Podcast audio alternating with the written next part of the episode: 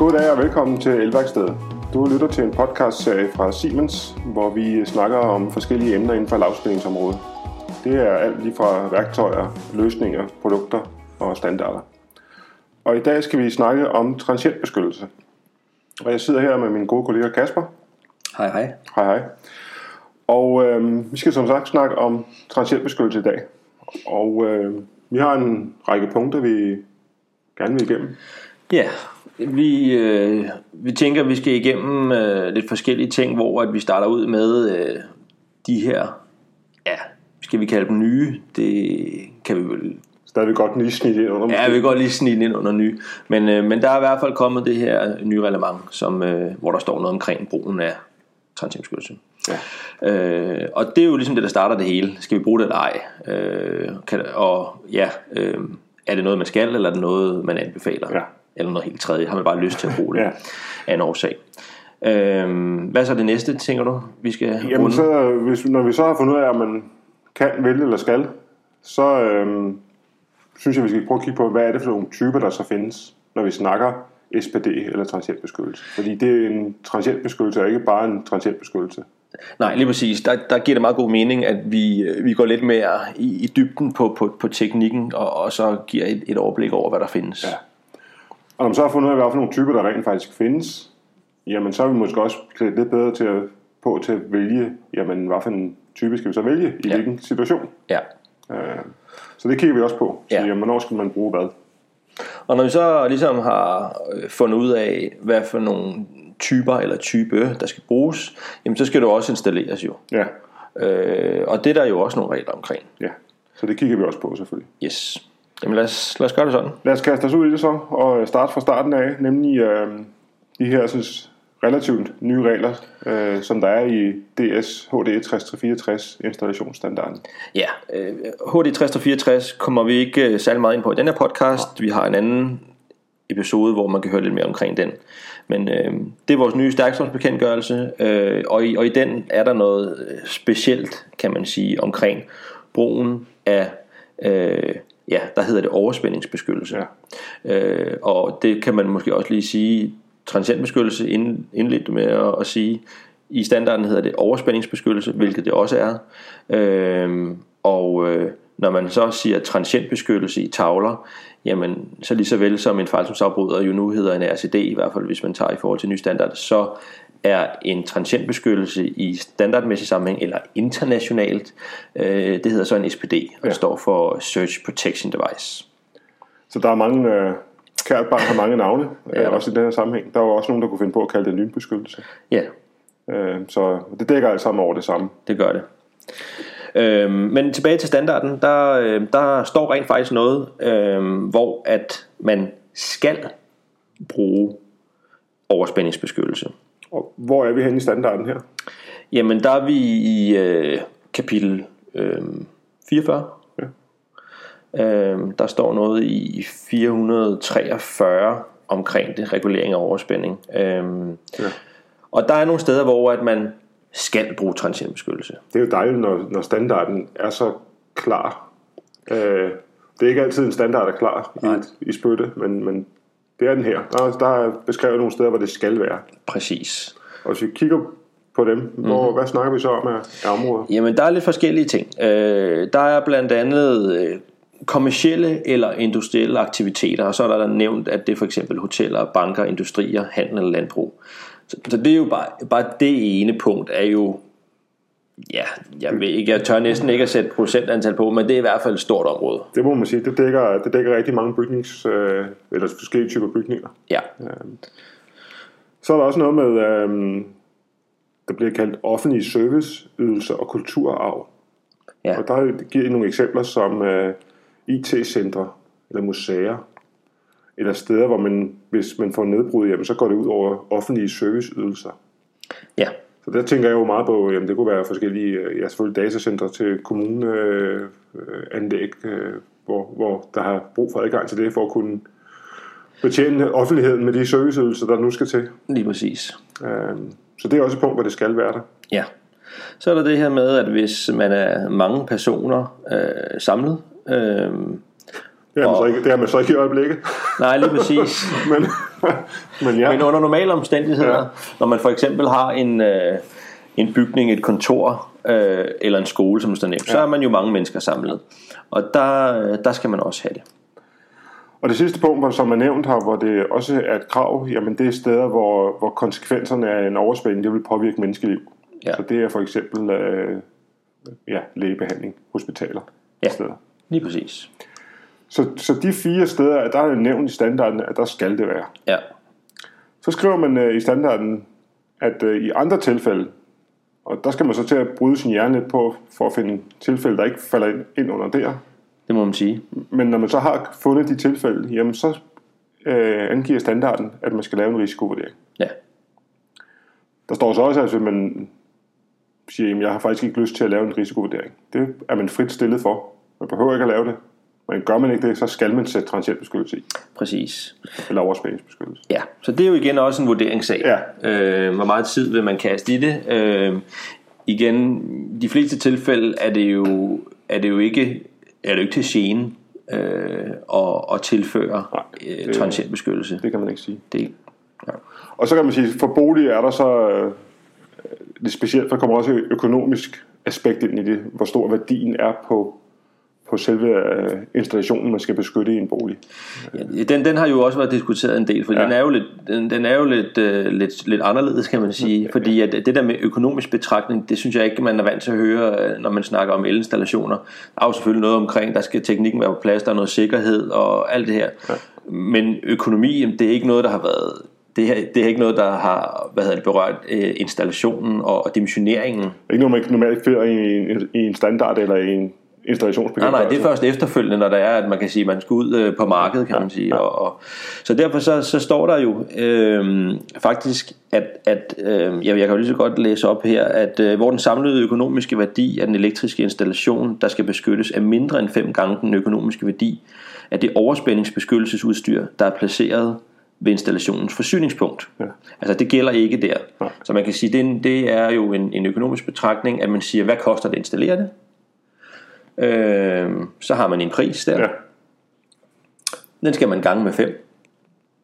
Og så har man et tal, der så siger, jamen det du så har i din bolig, som skal beskyttes af den her kære SPD, øh, må ikke være mere værd. Og det er jo så vel at mærke både selve installationen, men også tilsluttet øh, brugsgenstanden i, i en bolig. Ja, Så det kan for eksempel være hvidevarer.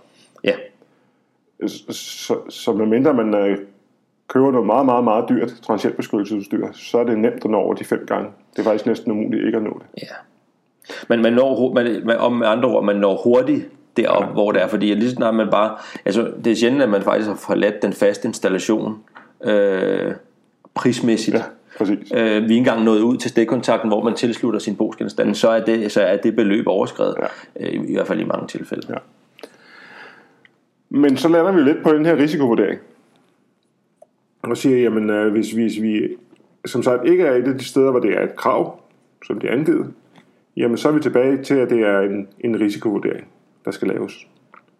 Og så er spørgsmålet jo så, øh, hvordan laver vi den her risikovurdering? Og det øh, giver standarden heldigvis også øh, et bud på, eller rettere en metode til at gøre. Og det er en formel, man skal bruge til det. Så man regner sig frem til et tal. Øhm, og der skal bruges nogle parametre for at kunne lave den her beregning. Og øh, igen i øh, den her DS øh, håndbog, jamen der er angivet øh, nogle eksempler og, og beregningsmetode. Men det man skal bruge, som er variabel fra installation til installation, det er længden af forsyningsdelen til ens installation. Altså den forsyning, der kommer fra elværket af. Ja, og, og jeg snakker, Og nu er det jo ikke sådan, at man skal kende det hele vejen tilbage til kraftværket. nej, Man skal kende det en kilometer tilbage fra ens øh, udgangspunkt. ja, når du siger længden, så er det jo øh, ledningsmateriale. Ledningsmateriale. Det, er ikke, det er ikke fugleflugtslinje eller noget andet. Det er Ledningslængde, lednings luftledningslængde. ja. Øh, Og det er, jo, det er jo den simple årsag, at man siger, at hvad, altså, igen det er en risikovurdering, så hvis lynet slår ned, øh, og du har noget, hvad kan man sige, noget ledning af den ene eller anden type i, omkring din installation, hvad er chancen så for, at det, det finder ind Ja. i, i din installation? Ja. Så det skal man vide. Ja. Og, og det ændrer sig jo naturligt fra installation til installation. Mhm. Mm-hmm. Det andet, de andre to parametre, man skal bruge, det ene, det er lyntætheden. Og det er fast Ja. som udgangspunkt i Danmark, hvor vi nu er. Øhm, og øh, det er, bliver opgivet i, i uh, lyn per kvadratkilometer per år.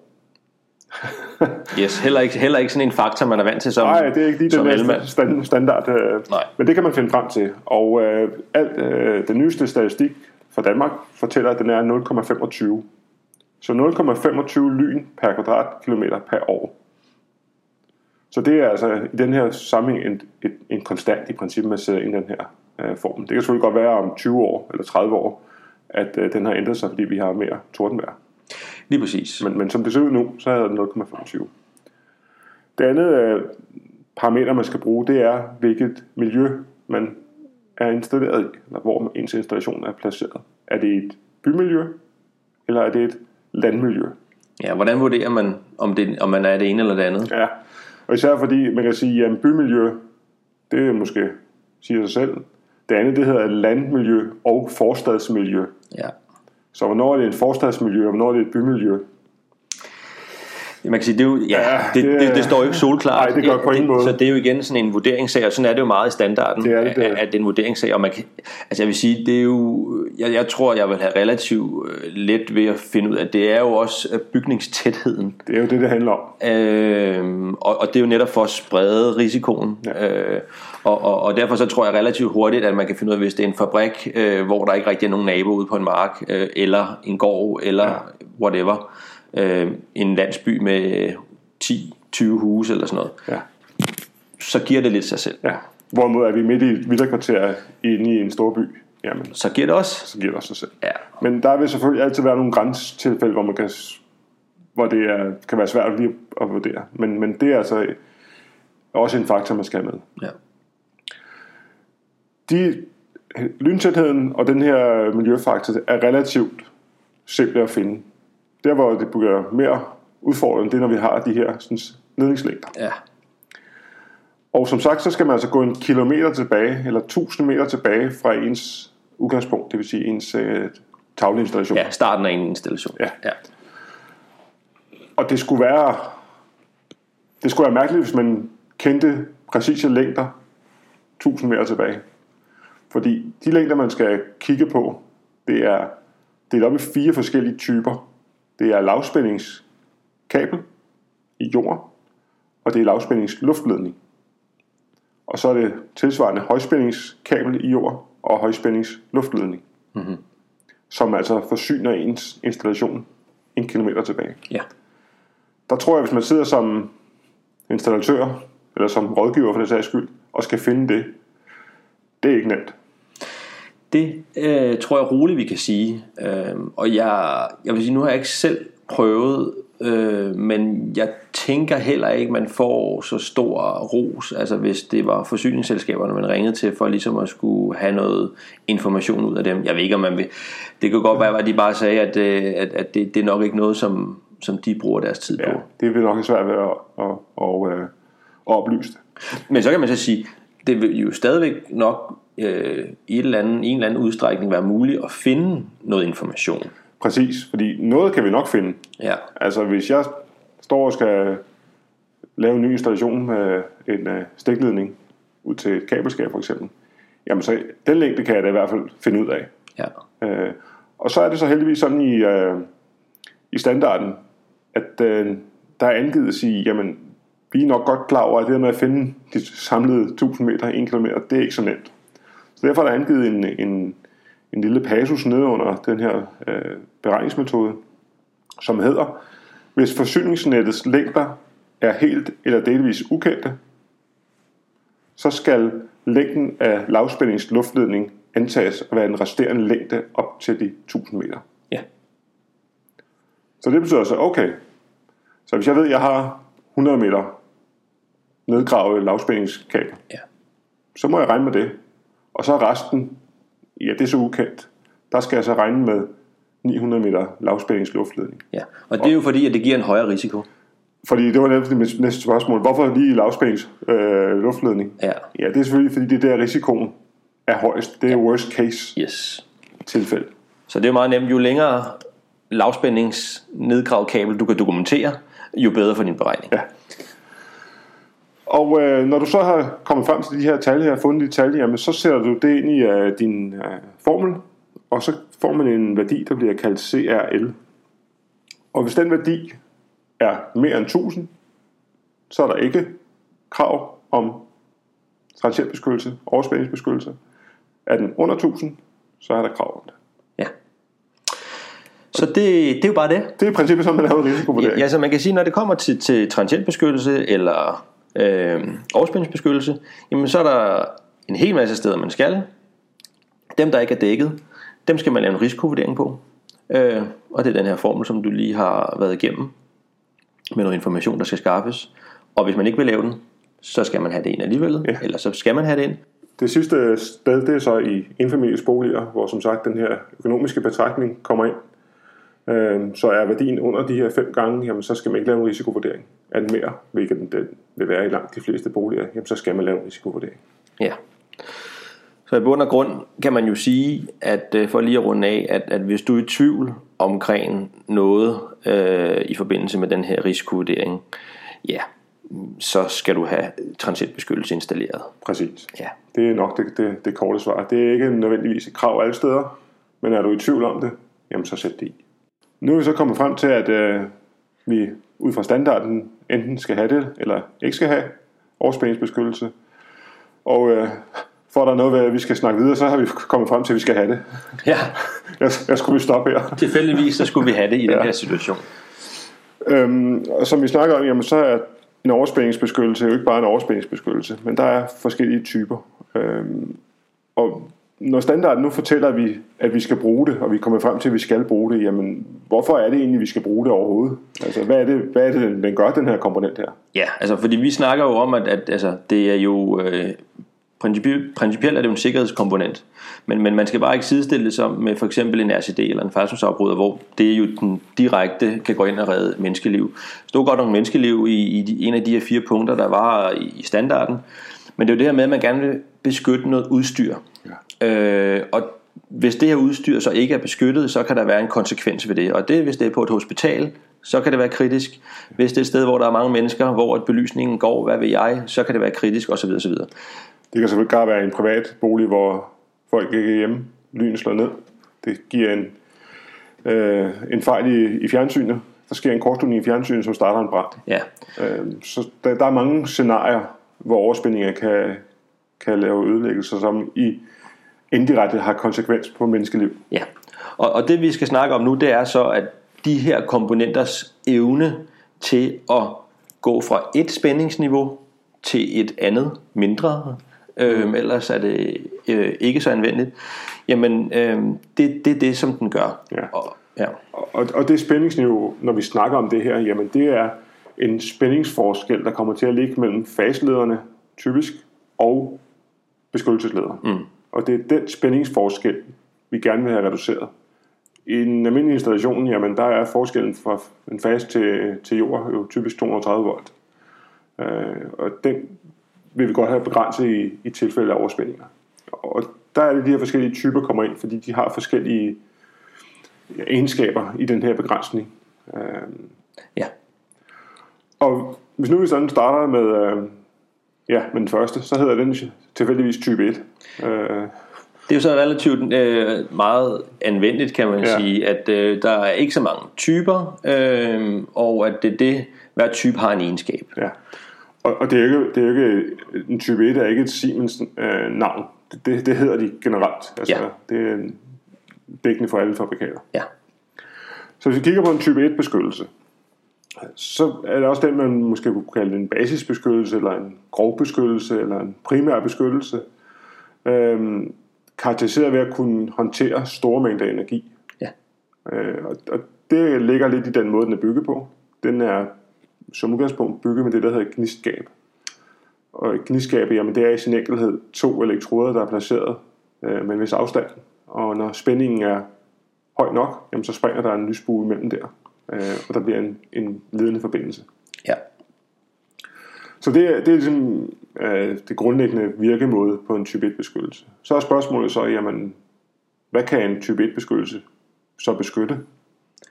Ja, øhm, fordi, fordi man kan sige, det, og det, der, der er det ikke bare et enkelt svar, Nej. hvad det kan beskytte, fordi øh, det er noget, der er komponentspecifikt, øh, sågar også øh, producent øh, ja. specifikt.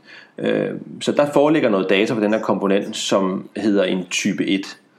Øh, og der skal man kigge i databladet på producenten af den her synes, type 1 beskyttelse. Lige præcis. Man skal vide, hvad restspænding er, eller hvis vi kigger i 6064, så kalder de det for et spændingsbeskyttelsesniveau. Ja, og jeg tror i databladet på engelsk vil man op, ofte se det som et protection level. Ja, så det er også igen det der med, at det ikke øh, er lige til. Nej. Men i hvert fald er man på udkig efter en, et, et spændingsniveau, som den her komponent øh, reducerer øh, til. Ja, til. Ja. Og der kan man sige, at man kigger man på type 1, så vil den typisk reducere til et spændingsniveau, som øh, er nok til at kunne beskytte de komponenter, man typisk vil sætte i en eltavle. Ja. Det vil sige maksimalafbrydere, lastafbrydere, sikringer, øh, automatsikringer, ja. den type udstyr. Yes. Det kan en type 1 beskyttelse beskytte til. Ja. Så der kan man sige, at den kan altså beskytte nogle, nogle, nogle, nogle relativt store komponenter, nogle komponenter, som sidder i en, i en tavle som udgangspunkt. Ja, altså man kan bare lige, det, det er bare et hurtigt eksempel, øh, når man tager en af vores, og når man kigger på en type 1, så, så kan den øh, reducere til et niveau, øh, der hedder omkring 2,5 kV. Ja. Det er bare for at tage et eksempel, det er en type 1, øh, 2,5 kV, fint, så har man et tal. Øh, så kigger man på det, som sagt, det udstyr lige nævnt, og, og bare for at tage et eksempel, så vil man tage en maksimalafbryder, så vil den typisk hedde 8 kV. Ja. Øh, og så kan man sige, jamen det er højere, end den reducerer til, alt er godt. Øh, I tilfælde den her transient, jamen så den er maksimalafbryder. Øh, den har det som udgangspunkt fint. Mm. Øh, og så er det ikke hovedforsyningen, der forsvinder øh, lige pludselig, ja. øh, på grund af, at der er noget, der er brændt af. Og så kan man jo så sige, okay, jamen det er så type 1. Hvor skal vi så anvende en type 1 beskyttelse hen? Ja. For der skal vi også kigge lidt på, hvad er risikoen? En, der er vi tilbage igen til en, en risikovurdering, princippet, men, men lidt anderledes risikovurdering den her gang. Men hvad er risikoen for et direkte lynnedslag? Ja, og eller kan man jo sige øh, en transient der mm. trænger ind. Og det er jo så, kan man sige, vi snakker om de her øh, atmosfæriske overspændinger, lyn, koblingstransienter, noget der kommer fra øh, ja, for eksempel koblinger på, øh, på forsyningsnettet. Ja.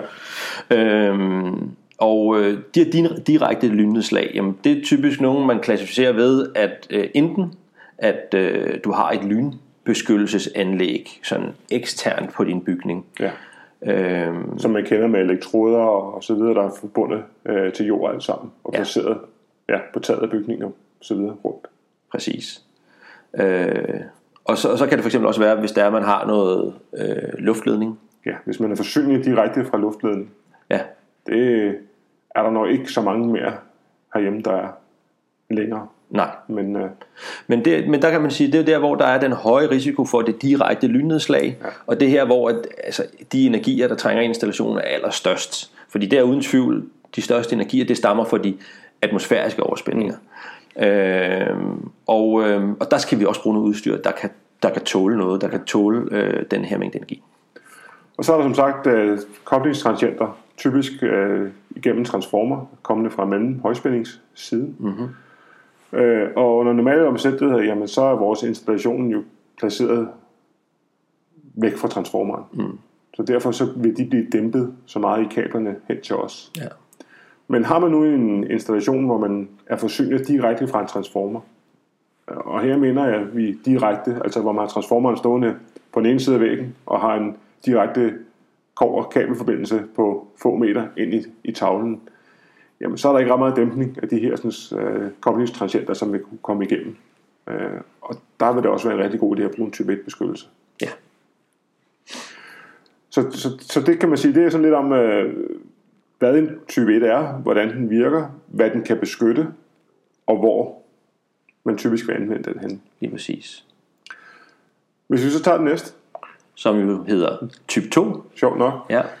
Jamen, øh, den adskiller sig øh, selvfølgelig fra, fra type 1 på flere forskellige parametre. Det primære det er jo igen opbygningen, hvor vi her har en opbygning, som øh, består af en varister, Typisk i hvert fald. ja, som er en spændingsafhængig modstand. Ja. Det vil sige, når spændingen når et vist niveau, jamen, så falder modstanden så meget, at den lukker igennem og, laver en, en, øh, en ledende forbindelse Præcis. og kan aflede øh, overspændingen.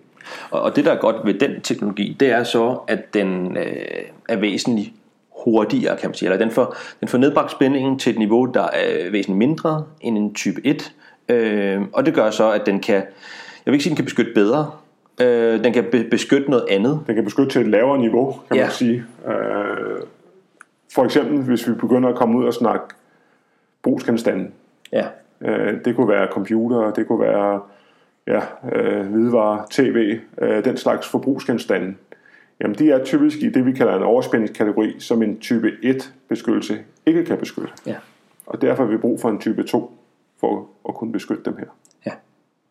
Så igen det der med, hvis man kigger på databladet, så vil man finde nogle niveauer, øh, øh, der, er, der vil være mindre, end når man kigger på en, en, en type 1, ren type 1, øh, for ligesom at, at lave noget beskyttelse til en anden type udstyr. Ja. Øh, fordi det, det man også skal ha- have for øje her, det er, at når man har en transientbeskyttelse i indgangen af en installation, så er det netop det her med, at vi snakker om, ja, det hedder spændingsbeskyttelsesniveau eller restspænding. Mm. Og jeg kan godt lide ordet restspænding, fordi det er jo, at det er jo ikke nul. Den får, den, der vil altid være noget, der fortsætter en installation. Det er væsentligt mindre, end det var før, øh, men, men der er noget spænding tilbage. Og, og det er jo også det, at man, at man så snakker om det her med, at, at, at en er ikke nok. Øh, det er en kombination af, af flere øh, transientbeskyttelser, der giver den optimale beskyttelse. Mm. Ja, det, det, det, det gør det. Og øhm, Så man kan sige, nu, nu, nu, nu hvis vi lige nævner, hvis vi lige skal gøre type 2 øh, færdig. Nu havde vi lige type 1, som var sådan et højrisikobygning. Mm. Hvor, hvorhen er det så, at, øh, at type 2'eren finder anvendelse? ja, fordi man kan jo sidde og, og vurdere og sige, jamen skal man så altid bruge både en type 1 og en type 2? Ja. Øh, og det er svaret nej. Mm. Det skal man ikke. Øh, man kan sagtens øh, bruge en, kun en type 2. Og det er jo så typisk være det, man kalder en, en bygning, hvor man har en, en lav risiko for direkte lynnedslag. Og det vil jeg sige, øh, det kunne være en, en, en bygning, hvor man er forsynet via kabel i jord, Ja. og hvor man ikke har nogen transformer stående ja, lige op og ned af lige op og hovedtavlen. ned af sin hovedtavle. Og, og det vil sige, det er jo mange installationer, ja. der er den type. Ja. Jamen der er det fint med en type 2 beskyttelse i sin hovedtavle, ja. i sin første tavle. Der behøver man ikke en type 1, fordi jamen, der er ikke nogen risiko, eller risikoen er så lille øh, for et, en voldsomt stor transient, fordi jamen, det der vil komme ind, det vil komme ind igennem noget kabler i jord øh, og noget induceret spænding på et helt andet niveau, end hvis lynet slår direkte ned i dine luftledninger. Præcis. Så det kan man sige, det, det, er, så, det er typisk, hvor man vil, vil, vil bruge det. Så man kan sige, man kan godt have steder, hvor man både har en type 1 i sin hovedtavle, og så har man type 2 længere ude, hvor man har behov for at beskytte det. Men man kan også sagtens have situationer, hvor man kun har, kun har en, en uh, type 2 beskyttelse. Ja. Så er der også en type 3. Ja, Vi vil ikke dvæle så meget ved den, men nej, uh, den er der. vi skal lige nævne den. Ja, Uh, som typisk er til beskyttelse af data, telefonen, uh, antenneinstallationer. Ja. Så, så det er til endnu lavere niveau. Beskyttelse af ja, Jamen, jeg vil faktisk bare, det er jo beskyttelse af mere følsomt udstyr, Ja. altså som, som, som netop ikke kan tåle så høj en spænding. Ja. Øh, det, og det igen, øh, der, vil, der vil restspændingen være mindre end de to foregående, til gengæld er den ikke særlig stærk. Altså, det er sådan en, man kan også se det fysisk på komponenterne, øh, så, så det, det, det er tydeligt, altså sådan en type 1, den, den, øh, den kan man godt... Øh, den kan man godt træne overarm med, kan man sige, til en vis udstrækning, hvor at, at de andre er væsentligt mindre komponenter. Ja. Øh, ja. Så kan man jo også godt forestille sig, at vi har måske en... Øh, nu siger vi, at en type 1, den kan beskytte øh, komponenter, tavlekomponenter. Mm. Nu forestiller os, at vi har en, øh, vi har en, en hovedtavle, hvor vi har behov for en type 1 beskyttelse. Men i den tavle har vi også tilsluttet nogle brugsgenstande, som ikke kan beskyttes af en type 1, hvor vi altså har brug for en type 2 beskyttelse. Vi kan have, have vores hovedtavle, vi har en afgang til, det kunne være et upsanlæg eller noget andet stående i tavlerummet. ja. Og der har vi lige pludselig brug for begge dele. Øh, og der er det så heldigvis sådan, at der findes en kombineret enhed, som både er en type 1 og en type 2. Ja. Så det findes altså også, så man kan sætte en kombineret enhed, der kan klare begge dele. Ja, og det er, jo, det er jo heldigt, fordi at man jo kan sige, at den her store mængde energi, som skal, stadig skal kontrolleres, kan man sige, eller nedbringes, jamen der, er, der, der er det kun type 1'eren, der kan håndtere den, fordi hvis det, hvis det var en ren type 2, jamen den vil ikke kunne håndtere den mængde energi, og så vil den gå i stykker. Mm. Øh, men ved at kombinere det i en og samme enhed, øh, jamen så får du det bedste fra begge verdener. Ja. Så du har stadig dit, øh, den, der kan håndtere en stor mængde energi, men du har også dit kritiske udstyr, som det kunne for eksempel være, at der var en strømforsyning i den her hovedtavle, som ikke kan tåle særlig højt øh, spændingsniveau i forhold til en maksimalafbryder. Øh, jamen så ved at kombinere dem, øh, så er begge ting øh, beskyttet. Ja. Så man kan sige, det er de tre forskellige typer, der, der findes. Ja. Nu har vi så fået defineret nogle typer. Vi har fået defineret hvor vi skal bruge dem henhold til standarden. Og nu er vi nået til det punkt, hvor nu skal vi faktisk også have installeret dem. Og øh, der er nok også nogle ting, vi skal være opmærksom på der.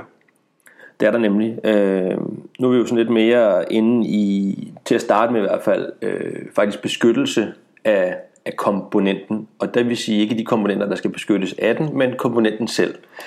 Det betyder faktisk, at vi skal have indført en form for kortslutningsbeskyttelse. Ja, der skal jo ske det, at øh, det man skal forestille sig med en transientbeskyttelse, hvis man kort skal, skal forklare, hvordan den ser ud øh, tilslutningsmæssigt, for det er lidt vigtigt i, i den her forståelse her. Jamen så har man øh, typisk på, på den ene side af komponenten, har man øh, tilslutning for de tre faser af 0.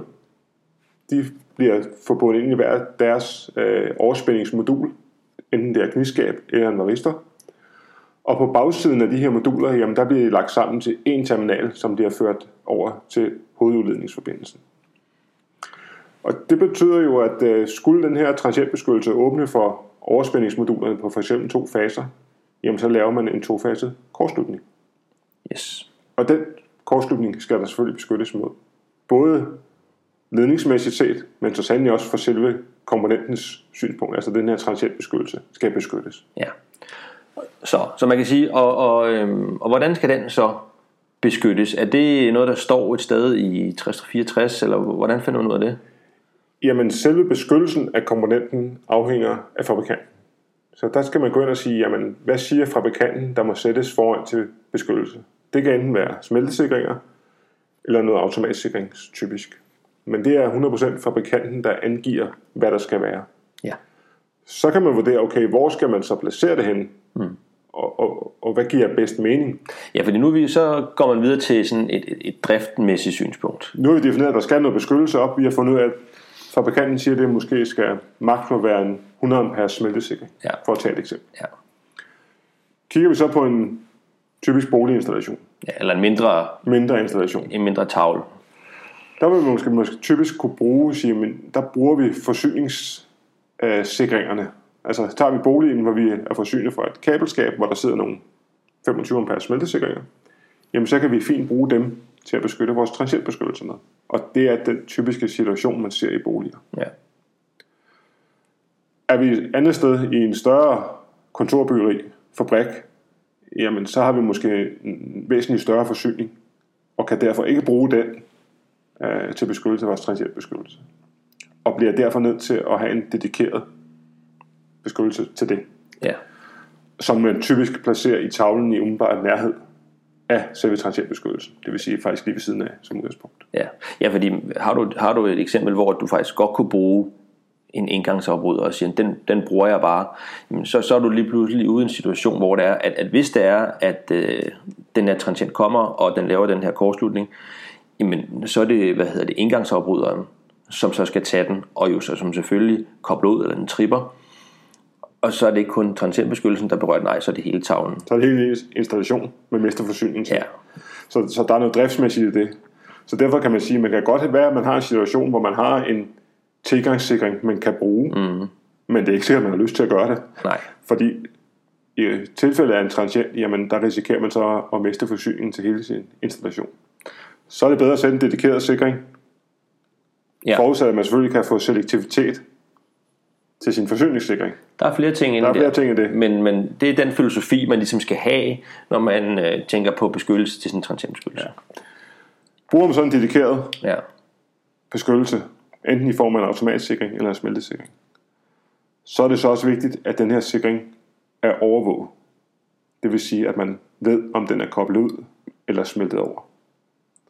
Fordi igen, vi forestiller os, at man har en transient. Transientbeskyttelsen åbner, afleder, men installationen kører videre. Nu er det ikke sådan, at alle lynnedslag er gigantlynedslag, hvor hele øh, installationen brænder ned bagefter. Øh, der kan sagtens være situationer, hvor vi kører videre driftsmæssigt, men er sikringen, der sidder foran transientbeskyttelsen, koblet ud, jamen så er den ikke længere forbundet til nettet. Og så har du ikke nogen virksom beskyttelse. Nej, hvorfor, hvorfor skal du kun have en indikation på, hvis det er, at det er en, en dedikeret øh, korslundsbeskyttelse? Jeg tænker, at hvis man øh, bruger tilgangssikringen til sin øh, kontorbyggeri, så skal man nok finde ud af, hvad sikringen springer. Så bliver der sandsynligvis mørkt i det meste af bygningen. Modtaget. så, øh, så, så der skal man nok finde ud af på en anden, på en anden sæt. Øh, er der nogen, der skal gøre noget? Ja, præcis. Ja. Øh, Udover selvfølgelig, at øh, sikringerne, øh, hvad enten det er dedikeret eller ikke dedikeret sikringer, øh, vil kunne øh, smelte over og springe, jamen så skal man selvfølgelig også kontrollere, om selve transientbeskyttelsen har overlevet, om jeg så må sige, transienten. Ja, fordi der er det jo så snedigt, at på, på sådan nogle her øh, komponenter, der er nogle indikationer på fronten af den, der faktisk fortæller, hvordan den har det. Øh, og der skal man være opmærksom på, at igen, som du snakker om, om gigant lynnedslag eller mindre mm. øh, overspændinger, det, det er meget forskelligt, hvad karakter de er af de her overspændinger. Og, øh, og alt efter, hvordan de har været, jamen så kan det være, at den kan tåle et par transienter, mange transienter. Altså, det er meget forskelligt. Mm. Derfor så kan man sige, at, at, at principielt, hvis man ikke har noget overvågning på dem, så, så, så skal man have en eller anden form for naturlig gennemgang af, sit, øh, af sin tavle, og deraf sin transientbeskyttelse, for at se, hvordan har min transientbeskyttelse. Mm. Øh, og der er det så, så øh, lidt mere bekvemt, hvis det er, at man har en hjælpekontakt, der sidder indbygget i, der fortæller, når den skal udskiftes. Ja. For der findes nemlig lige præcis transientbeskyttelse, hvor man har indbygget en meldekontakt, der giver signal, når den er slidt op. Ja. Og det kan jo bare være en af dem. Og det der jo så er ved det sådan rent praktisk, det er, at hvis det så er, man kommer ud, og man ser, at det er den på fase 1, der skal skiftes ud, for de har hver, hver fase 0, har en indikation, så er det sådan en, en, en patron, man faktisk hiver ud af komponenten, og så skifter man den med en ny, lige så vel som man vil skifte en ny sikring. Ja. Det er det på langt de fleste. Der findes også nogle, hvor det er fastmonteret, men på langt de fleste er det med blokkbare moduler, som det kaldes. Jeps. Så det gør udskiftningen relativt simpelt. Ja. Der er en anden øh, ting, når vi snakker installation, udover øh, hvad hedder det, kortslutning eller overstrømsbeskyttelse. Øh, det er de her så, øh, ledninger, som der nu skal forbindes til, til terminalerne på den her overspændingsbeskyttelse. Som jeg snakker om, så er der typisk en tilgang bestående af tre faser og 0, hvis man har 0. Og man har en afgang i mangel af bedre, men i hvert fald en forbindelse fra transientbeskyttelsen over til hovedudledningsskinnen. Og øhm, der er det faktisk sådan, at standarden, og her snakker vi 60-64, altså vores DSHD 60-64, angiver en maksimal længde for de her ledninger her. Ja. Og det er angivet i, uh, i standarden til maks 1 meter samlet længde, men helst ikke mere end 50 cm. Det er ikke meget. Det er ikke ret meget, nej. Og det er altså fra første afgreningspunkt, hvor man afgrener ned til sin transientbeskyttelse på fase 0-siden, plus den længde øh, forbindelse, man har fra transientbeskyttelsen over til sin hovedudledningsskinne. Som maks meter, helst ikke mere end 50 cm. Nej, og, og når du siger det, så tænker jeg, at det vil nok ikke være det, man kan sige, det kommer man relativt nemt over i en, en klassisk boligtavle, ja. gruppetavle. Øh, der hvor man skal være opmærksom på det, det er jo, at hvis man har fordelingstavlerne. Større gulvtavler, øh, ja. metaltavler typisk, jamen der, der er en meter, altså nærmest ingenting. Der, der, kan man, der skal man virkelig tænke sig om, hvor man får placeret øh, ja, transientbeskyttelsen hen i forhold til øh, udlægningsskinnen. Præcis. Øh, så, så der skal man være opmærksom på det. Nu snakker vi afstanden. Der er også en anden, øh, vi kunne kalde den her, vi snakker om før, det kunne vi kalde halv meter regel, eller et meter regel. Mm. Øh, der er også en anden øh, øh, regel, som har noget med distance at gøre, som bliver kaldt 10 meter reglen. Og øh, den er lidt mere tricky, men det der går ud på, det er, at, at den restspænding eller spændingsbeskyttelsesniveau, som der bliver angivet på en overspændingsbeskyttelse. Tager vi en type 2, så kunne det typisk være et datablad, der måske hed 2 kV, 1,9 kV. Det er gældende for op til maks 10 meter kabel. Kommer vi mere end en 10 meter kabel ud af installationen, vi skal forestille os, at vi har den her transient beskyttelse siden i tavlen. Vi har noget kabel ud til fjernsynet, et eller andet brugsgenstand. Og det som databladet angiver, altså 1,9 kV spændings, restspænding, det er gældende på 10 meter kabel. Mere end 10 meter kabel, så er det ikke sådan, at vi ikke har nogen beskyttelse mere. Men så kan vi bare ikke garantere, at vi overholder det niveau, som der er angivet i databladet. Nej, og det der er jo interessant ved det, fordi at øh, det, øh, altså, der er jo mange, der, der, der så tror, at har de en, for eksempel en type 2, øh, det er nok den, der er mest almindelig. Ja. Øh, den placerer man for eksempel i sin hovedtavle, fordi det har man fundet frem til, at det er tilstrækkeligt. Øh, og du har nogle undertavler. Jamen, så er det jo ikke sikkert, at den undertavle er fritaget for en transientbeskyttelse. På ingen måde. På ingen måde. Øhm, og det, jeg tror, det, det, det, det er et område, som, som er til bliver overset. Øh, det her med, med en virksom radius på en transientbeskyttelse. Altså, mange, inklusive mig selv, troede jo, det var sådan, at man satte man sig ind i sin tavle, så havde man beskyttet hele installationen. Ja. Og sådan hænger det altså ikke sammen.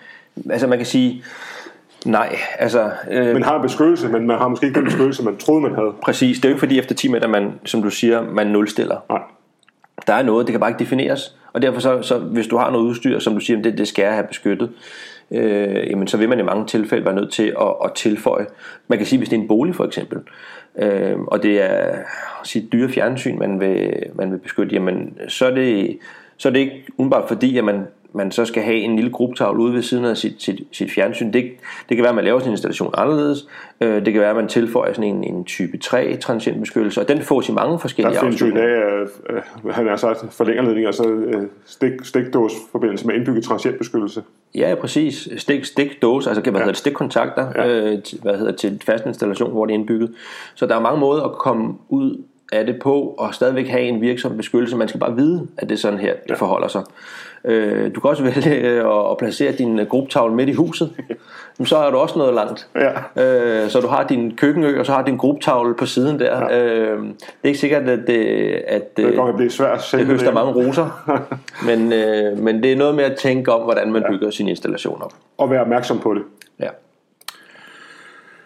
Øhm, så det var lidt om nogle afstande. Så er der også lidt om nogle tværsnit. Øh, og hvis vi starter med de her sådan, øh, interne ledninger, som forbinder vores transientbeskyttelse til installationen inde i tavlen. Det vil sige på, både på fasesiden mm. og på beskyttelses øh, udledningssiden.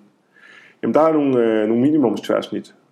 Kigger man i standarden, igen 60-64, så angiver den, at det skal som minimum være 4 kvadrat. Ja. Men det er klart, angiver fabrikanten noget højere, jamen så er det selvfølgelig det, der er gældende. Kigger man på, på vores, jamen så angiver vi som udgangspunkt minimum 6 kvadrat. Ja. Og så er det selvfølgelig de 6 kvadrat, der er gældende. For der må man bare ærligt erkende at sige, at, at i det her lovhierarki og hvad der ellers er, jamen når det kommer til komponenter, så er det leverandøren, så er det fabrikanten og leverandøren. der bestemmer, kan ja. man sige. Eller i hvert fald, der har det sidste ord, om man vil. Det er klart, at er der en fabrikant, der skulle finde på at skrive, at det er okay med halvanden kvadrat, jamen så er det selvfølgelig standardens 4 kvadrat. Åh, oh, jamen selvfølgelig. ja. ja. Men, men, men, men laveste fællesnævner øh, er ikke altid gældende. Nej. Så, så som udgangspunkt, kig i fabrikanten, hvad han angiver, øh, der er behov for af forbindelsesledninger.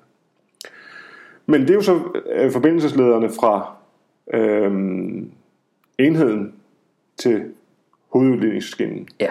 Hvis nu vi har en bolig, så har vi jo typisk også et TET-net, og vi har dermed et jordspyd, mm-hmm og vi har derfor også en jordleder. Ja. Altså forbindelsen fra udligningsskinnen ud til jordspydet. Ja. Kigger vi i dag på nye installationer, der bliver bygget og lavet i henhold til den nye standard, ja. så hedder det så, at jordlederen som minimum skal være 6 kvadrat. 6 kvadrat, ja.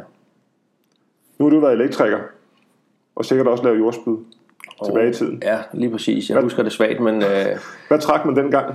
jamen, det var jo øh, typisk noget dobbeltisoleret 2,5 kvadrat. Præcis. Øh. Noget 1 gange 2,5. Præcis. Og så er det store spørgsmål, jamen hvad så, hvis man i en eksisterende bolig, hvor man har øh, 2,5 kvadrat jordleder, ønsker og skal have transientbeskyttelse. Skal man så opgradere sin installation, så den følger standarden, som den er i dag, altså med 6 kvadrat jordleder? Ja, og, og til det der er svaret, at nej, det skal man ikke fra et 60-64 standardmæssigt synspunkt. Derimod, hvis en fabrikant har øh, et krav om det, ja, så skal man. Øh, så kan vi kigge på os selv. Vi har ikke nogen øh, krav om det. Øh, det det, der er, kan man sige, inde i tavlen, altså komponenterne til hovedlinjesforbindelsen. Øh, men så stopper det der. Så der er det igen, hvad fabrikanten Hvad foreslår. fabrikanten angiver. Ja. Så, øh, så igen, har fabrikanten en- nogle anvisninger til det, ja, så er det gældende, men ellers er der ikke noget. Nej. Vi har været øh, vidt omkring emne nu, både på hensyn til hvordan, øh, hvorfor øh, det skal laves.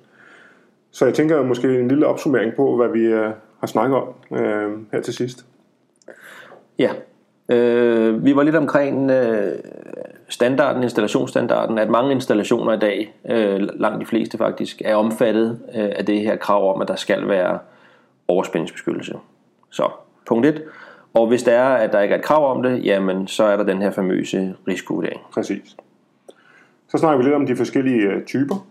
Type Ja. 1, type 2, type 3 Og Det- kombineret, og kombineret. ja, Øhm, lidt om deres virkemåde, og ikke mindst, hvor det giver mening at vælge den ene frem for den anden, og hvad det er, de kan beskytte. Øh, så som man siger, når man skal vælge en, en transientbeskyttelse, jamen man skal både kigge på, hvor skal den installeres, hvad er forholdene i installationen, og hvad er det, den skal beskytte af, af brugsgenstande, komponenter. Det kigger vi på. Ja. Så var der det der med signalindikationerne, fordi at, at når man så har sat det ind i tavlen, så, så snakker vi om, at det skulle kortslutningsbeskyttes, øh, og at øh, SPD'en, overspændingsbeskyttelsen, hvad hedder det, også selv har i nogle tilfælde en indikation om, at den er slidt. Og øh, det, det, som vi, jeg også gerne lige vil tilføje der, det er, at det er vigtigt, hvis man har de her signalindikationer, øh, at lave en eller anden form for serieforbindelse, fordi altså, kæden er jo ikke stærkere end det svageste led. Så hvis en af dem ikke har det godt, så har du ikke transientbeskyttelse, og det skal du vide. Så om det er det her signal af en, af en lampe, eller om det er signal til et overvågningssystem, det er sådan set lige meget. Det er det her med, at man øh, skal have fornemmelsen af, at man har en intakt øh, overspændingsbeskyttelse, og det, ja, det har man kun, hvis det er begge to, der fungerer. Ja. Så snakker vi lidt om nogle afstande. Vi har både noget øh, øh, makslængder på nogle interne ledninger, og så har vi den her famøse 10 meter regel, altså en, en garanteret virksom radius, kan man kalde det det, øh, eller i hvert fald en, en, en kabellængde, hvor vi kan opholde, opretholde de værdier, vi angiver i databladet. Ja, lige præcis, fordi faktisk så, man kan sige, det er jo en længde. Ja. Så det er en ledningslængde 10 meter, øh, og så er det, man begynder at, og kan man sige, slække på beskyttelsen, om man vil. Ja. Så, så begynder vores restspændingsniveau at stige. ja. Så har vi lidt om, øh, om øh, tværsnit også, både på de interne ledere og på jordledere. Øh, og kommer også frem til en konklusion, jamen i en eksisterende installation behøver vi ikke at ændre jordledere, hvis vi har en 2,5 kvadrat. Med mindre fabrikanten af transientbeskyttelsen siger, at det skal være noget højere. ja. Var det ikke øh, nogenlunde... Det tror jeg var ordene for, for den her gang. øh, tak fordi I hørte med, og vi lyttes ved en anden gang. Det gør vi. Hej. Hej. Siemens. Ingenuity for life.